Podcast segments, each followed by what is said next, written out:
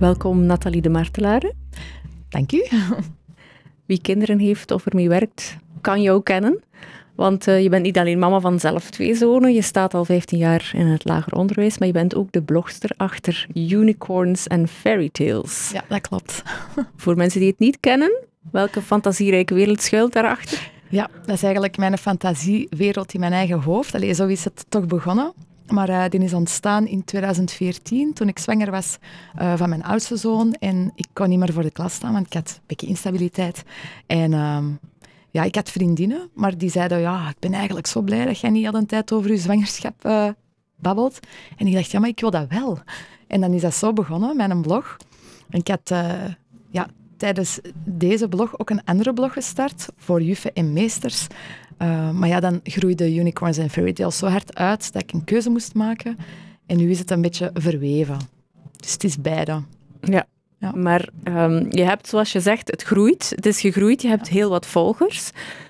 Is het vanuit die volgers dat er een vraag is gekomen naar dit boek, Speel, dat is de titel, of was het voor jou iets wat, je, wat helemaal uit jezelf kwam, wat je al langer wilde doen? Ja, natuurlijk komen er heel vaak vragen van ja, hoe, hoe pak jij dit aan of dat? En, um, en, en had ik mijn uh, Instagram-account al, Out of the Box Play, dat heel goed uh, draaide ook. Maar het boek is eigenlijk gekomen ja, al veel langer. Want ik had uit, uh, toen ik nog geen mama was, uit mijn leerkrachtenachtergrond eigenlijk, het doel om een boek te schrijven voor ouders, hoe dat ze ja, huiswerk of, of ja, leerstof op een speelse manier konden aanpakken. Ja, omdat ik dus vind uh, dat dat vaak te droog is. Maar uh, ja, toen ik dan zwanger was en zelf kinderen had, heb ik dat idee geparkeerd. Maar is dat dan teruggekomen toen, ja, toen dat in Out of the Box Play ook zo groeide, dat ik dacht van oh, misschien moet ik eens iets doen rond, ja, rond spelen. Dat is tegenwoordig een hot topic. Maar ik vind al die boeken heel moeilijk, hè, heel wetenschappelijk onderbouwd. En ik wou beide bundelen. Ik wou speeltips geven voor ouders, voor iedereen. En, uh, en ja, ik heb dat idee dan uiteindelijk toch gepitcht. Want eigenlijk was het de bedoeling om eerst een printenboek te maken. Maar ja, het is er toch van gekomen nu. Geweldig. Ja. Het moet een heel leuk gevoel zijn als je er al zo lang mee rondloopt. Ja, dat is echt ja, eigenlijk te gek voor woorden. Soms kan ik het nog altijd zelf niet geloven. Dat is een goed teken. Ja. Um, voor we erop ingaan op de inhoud, het is opgedragen aan je onkel Freddy. Ja, dat klopt. Ja. Wie of wat is onkel Freddy ja. voor jou? Oh, voor mij is, is dat eigenlijk mijn tweede vader. Um, toen ik heel klein was, ben ik uh, opgevoed geweest. Uh, niet alleen door mijn ouders, maar ook door mijn tante en onkel. In mijn ogen tante en onkel. Mm -hmm. um, en uh, ja, daar, daar heb ik de de basis echt gekregen van, van puur spel. Spelen met knopen, schilderen. Uh, dat was een schilder, uh, ja, een kunstenaar eigenlijk een beetje. En die schilderde en ja, ik kreeg een penseel in mijn hand. Mijn, mijn tante naaide en ik kreeg knopen.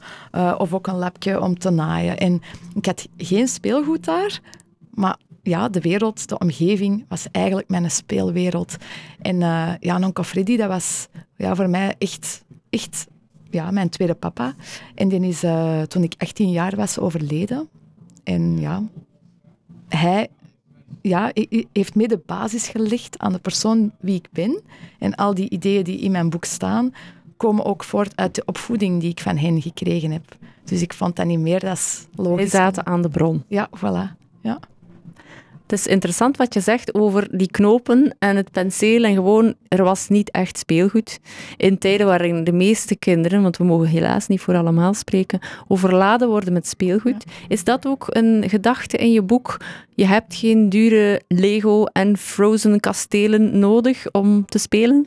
Ja, inderdaad. Eigenlijk, kinderen hebben uh, vaak alleen maar de verpakking nodig. Hoe vaak merken we niet dat als ze Sint-cadeautjes krijgen of, of kerstcadeautjes of met de verjaardagen, dat uh, al de kindjes in de rij staan en dat is, hup, die pakken dat uit, hup, weg, weg. Maar de doos, daar spelen ze mee. Ja, mogen we daarmee knutselen? Dus eigenlijk, zelfs als ze kinderen buiten gaan spelen, met de takjes op de grond, de steentjes, het zand, die creëren een hele fantasiewereld en daar heb je echt geen speelgoed voor nodig. Maar er is dan toch meer nodig dan hen gewoon laten doen? Goh, in C niet, maar je kunt alles wel doelgericht maken. Natuurlijk, met mijn achtergrond als pedagoog ja, zit dat er een beetje ingebakken. Um, je kunt kinderen wel een klein beetje leiden naar uh, spel. Hè. Als je merkt dat kinderen niet tot spel komen, kan je ze wel inviteren. Hè. Door bijvoorbeeld te zeggen, ik kan een voorbeeld geven van ons. We waren een wandeling aan het doen en er waren allemaal bomen. En ik merkte dat mijn eigen kinderen zo'n beetje oh, erbij liepen van... Saai. ja, ja, ze wandelen nu wel graag, maar op die moment ja, boeide het hen niet echt. En uh, ja, dan, mijn, mijn man en ik, wij zijn nogal ja, er heel veel mee bezig. Dus wij zeiden van, oh, kijk die bomen eens. Wat zouden die nu eigenlijk denken als wij er voorbij lopen? En zo ging het gesprek en dan filosofeerden we echt. Hè. En dan van, oh, zeg, zouden we die bomen niet leuk vinden dat wij ja, een, een, leuk kunstwerkje maken op de grond of zo? En, zo beginnen. En dan zijn die kinderen eigenlijk geprikkeld om uit zichzelf te spelen. Dus het is eigenlijk een zaak van ze het setje te geven? Soms wel, soms niet. En als het gebeurt uit zichzelf, dan ben ik voorstander van laat ze maar doen en stoort hen niet in het spel. Maar je merkt wel eens dat kinderen vastzitten in hun, ja, of er niet uitkomen of als er vriendjes zijn. En als je dan dat klein zetje geeft, ook als leerkracht trouwens, dan zijn ze vertrokken. Ja, jouw boek is één groot zetje. Ja, in de beste zin van het woord. Het heet speel en je denkt dan, oké, dat is gewoon uh, de imperatief, uitroepteken, ga gaan spelen. Maar het is ook een letterwoord. Het staat voor, je mag het misschien zelf uitleggen, sensopathisch spel. Ja. Elke letter heeft een betekenis, dus er zit ook een soort theorie achter. Ja, um, ja, dat is een beetje speels gedaan, omdat ja, we zijn eigenlijk vertrokken van, van het uitgangspunt van oké, wat wil ik meegeven aan de lezer? En dat waren al die dingen. En dan hebben we gebrainstormd over een naam. En ja, ja, gaan we dat doen, dat doen? En ik dacht, ja, mijn boek gaat over spelen, dus speel. Speel gewoon. En dan dachten we, oké, welke um, kapstokken kunnen we er nu aan vasthangen om daar rond ja, onze hoofdstuk in te delen? Ja, en dan was het het sensopathische, plezier, educatief, uiteraard. Spelen is leren. Um, eenvoudig. Het mag allemaal niet te ingewikkeld zijn, want ja, dan, dan haakt iedereen toch af. En uh, laat het los, want het proces is veel belangrijker dan het eindresultaat. Ah, dus we moeten niet tot de prachtigste knutselwerken komen. Dat soort boek is het niet. Nee, absoluut niet. Want dat, ik vind dat een van de verschrikkelijkste zaken dat je bijvoorbeeld in scholen tegenkomt, dat er allemaal dezelfde knutselwerkjes staan en dat kinderen hun eigen werkje er zelfs niet meer uit kunnen filteren, totdat ze dan het blad omdraaien. Ah ja, dat is mijn naam. Ah, dat vind ik verschrikkelijk. Het proces is veel belangrijker van hoe komen ze tot dat knutselwerkje? Waarom hebben ze dat veertje gekozen of die kleur gekozen om dat kunstwerk te maken? En dan zijn die veel trotser, hebben die veel meer dingen geleerd en gaan die naar huis met een ja, met een, een gevoel van eigenwaarde. Als, als je hebt gemaakt en je, kunt, je kunt je eigen knutselwerkje niet meer herkennen, ik weet niet of je dan zo trots kunt zijn. Nee, dat begrijp ik, dat gevoel. Um, maar betekent dat dan ook dat je vooral heel veel materiaal moet aanbieden? Je zegt het veertje dat ze hebben gekozen en zo. Moet er dan van alles zijn waarmee ze aan de slag kunnen? Goh, uh, in C niet, maar, maar je kunt een klein beetje zien wat wil je bereiken hè, met, met je ding. Ik leg soms bijvoorbeeld gewoon wat papier klaar, of karton, of verf, potloden, eender wat, of natuurlijke materialen. Ik leg er lijm bij en... Hup, go for it. Ja, go for it. En dan ja, komen soms de meest fantastische dingen ja, tot uiting. Hè. Is echt, ja, je zou het echt gewoon zelf eens moeten proberen. Ja, ja, ja. Met, maar wel, het boek kan wel helpen, denk ik, voor Jij hebt duidelijk die creativiteit met de paplepel ingelepeld gekregen. Eh, voor mensen, soms hoor je dat ook wel, hè, ouders die zeggen, ja, maar ja, ik ben niet zo'n creatief knutselbrein. Ehm, is het ook voor hen bedoeld dat je ze op weg zet? Ja, zeker. Er is zelfs een hoofdstukje in het boek van help, ik ben niet creatief. Omdat ja, mensen hebben nogal een verkeerd beeld van creativiteit. Creativiteit denk je de mensen aan knutselen of tekenen, maar creativiteit is veel meer dan dat. Dat is ik sta voor een probleem en ik kan dat oplossen. Dat is creativiteit en dat kan eigenlijk bijna iedereen. Dus je, je moet echt niet creatief zijn. Bijvoorbeeld, in mijn boek staan ook heel veel sensopathische activiteiten, dus met natuurlijke materialen. Iedereen kan een bak rijst klaarzetten en er letters in gooien. Dat kan iedereen. En wat moeten we dan met eh, die bakrijst en die letters doen? Ja, dat klinkt echt grappig. Hè? Want ik heb zelf, als mijn vrienden die daar zo iets minder uh, ja, nog kennis van hebben, binnenkomen bij ons, dan is dat dikwijls van, zeg Nathalie, zat er weer een bakrijst? En dan zeg ik van, ja, maar ja, die makrijst, dat is een sensopathisch materiaal. En zelfs kinderen van het zesde leerjaar worden daardoor aangetrokken. Ik beloof het u.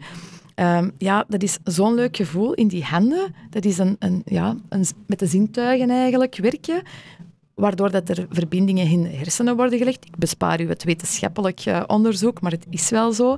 En dat gewoon aan spelen een andere dimensie geeft. Dus stel, hè, je wilt letter, uh, letters laten herkennen, leg die letters eens in een ja, verstopt die in een bak rijst of, of eender welk sensopathisch materiaal. Laat die dan met een pincetje uitnemen. Dat is al goed voor de motoriek. En kinderen vinden dat gewoon fantastisch. Ja, dat is natuurlijk inderdaad ja. spelen. En ondertussen hebben ze ook Leren. iets geleerd. Ja, klopt. Ja. Nu, ik heb van alles gezien in jouw boek. Een zonnevanger, regenboogschuim, een lichtbak, een rekenmonster. Echt van alles. Ik wist Ja. er het bestaan niet vanaf. Nu wel. Kan je er, het is onmogelijk, maar kan je er eentje uitkiezen waar jij echt memorabele herinneringen aan hebt? Ja, zeker. Dat is eigenlijk eh, de elfendeurtjes. Ik Dat heb- zal mijn ja. nichtje graag horen. Ja. Zes jaar. Ze gelooft dat elfjes echt zijn. Ah, voilà. Dat is eigenlijk gekomen uit een les. Eh, ik stond vorig jaar nog in het zesde leerjaar en ik moest... eh, ja, ik, ik wou een, een les uitwerken dat heel rijk was. Ehm, en het ging over talenten. Dus ik, ja, ik was aan het brainstormen van oké, ik wil echt graag in mijn lessen heel veel domeinen steken. En dan was eigenlijk het plan van oké, ik wil kinderen hun talent laten ontdekken, maar ik wil dat die dat in een, in een soort van elfenverhaal steken, waardoor dat ik kan zien. Hè. Schrijf een verhaal over een elfje, taal, schrift. Ehm, en dat elfje heeft een speciaal talent. En dat talent moet jij in de kijker zetten. En daarna creëer je met een blok hout een elfendeurtje. Dus je tekent je elfendeurtje, we zagen dat uit, we schilderen dat. Maar het elfje dat erin woont, moet echt wel het elfje zijn waarover dat jij hebt geschreven. Dus eh, ik had dan een voorbeeld gegeven met eh, een elfje dat zo een rockchick was. Ja, dan eh, kunnen zwart met studs op of, of eender wat. En ze moesten daarna één magische eigenschap ontwikkelen die ze dan daarna met de kindjes van eh, de kleuterklas, of het eerste leerjaar, ik weet het al niet meer zo goed, eh, gingen uitwerken. Ze mochten zich ook verkleden, dus dat was dan drama, een rollenspel, muzische vorming zat erin, schrift, techniek, want ze moesten zagen en uitwerken. En daarna mochten ze dus workshops geven voor de kleinste, plannen, communicatief sterk zijn. En ja, ik heb dat in mijn boek gestoken. Oké, als je ja. al dat denkwerk al hebt gedaan, waarom zou je het dan niet delen? Begrijp ik. Ja, wat ik ook interessant vond, is dat je zei dat die creativiteit, je haalt nu een aantal dingen aan, schrift enzovoort, maar meer in het algemeen dat die creativiteit belangrijk is, meer dan ooit in deze realiteit. Wat Ja. bedoel je daarmee? Ja, ehm, we zitten in een shifting, vind ik persoonlijk, van maatschappij. Hè. We komen eigenlijk eh, van dat, dat heel vroeger dan, dat kinderen de stil leerden van hun ouders. Eh, dan, ehm, ze moesten studeren, ze moesten ASO doen, of als het niet lukte, TESO. En volgen, volgen. We hadden volgers nodig. Maar de maatschappij werkt nu niet meer zo. Er zijn zelfs eh, kinderen die nu aan het studeren zijn voor, ja, voor beroepen die er nog niet zullen zijn. En niemand dat social media of, of wat wij nu doen, dat was er vroeger nog niet. En ik ben ervan overtuigd dat wij eh, kinderen nodig hebben en, en vol- volwassenen nodig hebben die hun plan kunnen trekken, die voor problemen komen te staan en die het kunnen oplossen, maar geen volgers. En er zijn uiteraard nog wel volgers nodig. We hebben alle slag van mensen nodig, maar niet alleen niet meer dat. Dus, Dus hoe meer ze spelen, ja, hoe meer kansen hebben dat ze Ja. die rol zullen kunnen Ja, opnemen. Spelen is leren en is, ja, een rollenspel spelen is al leren hoe dat je later gaat omgaan met andere mensen.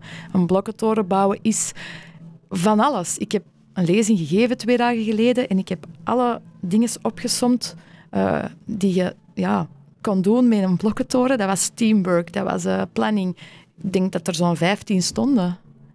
Dat is, ja, spel is de taal van kinderen en spelen is leren, punt. Voilà. Ja. Op die zeer overtuigende noot gaan we hier afsluiten. Ik hoop dat het boek bij heel veel ouders, leerkrachten en wie er allemaal baat bij kan hebben, terecht kan het. komen. Heel erg bedankt, Nathalie. Dankjewel. Boektopia podcast.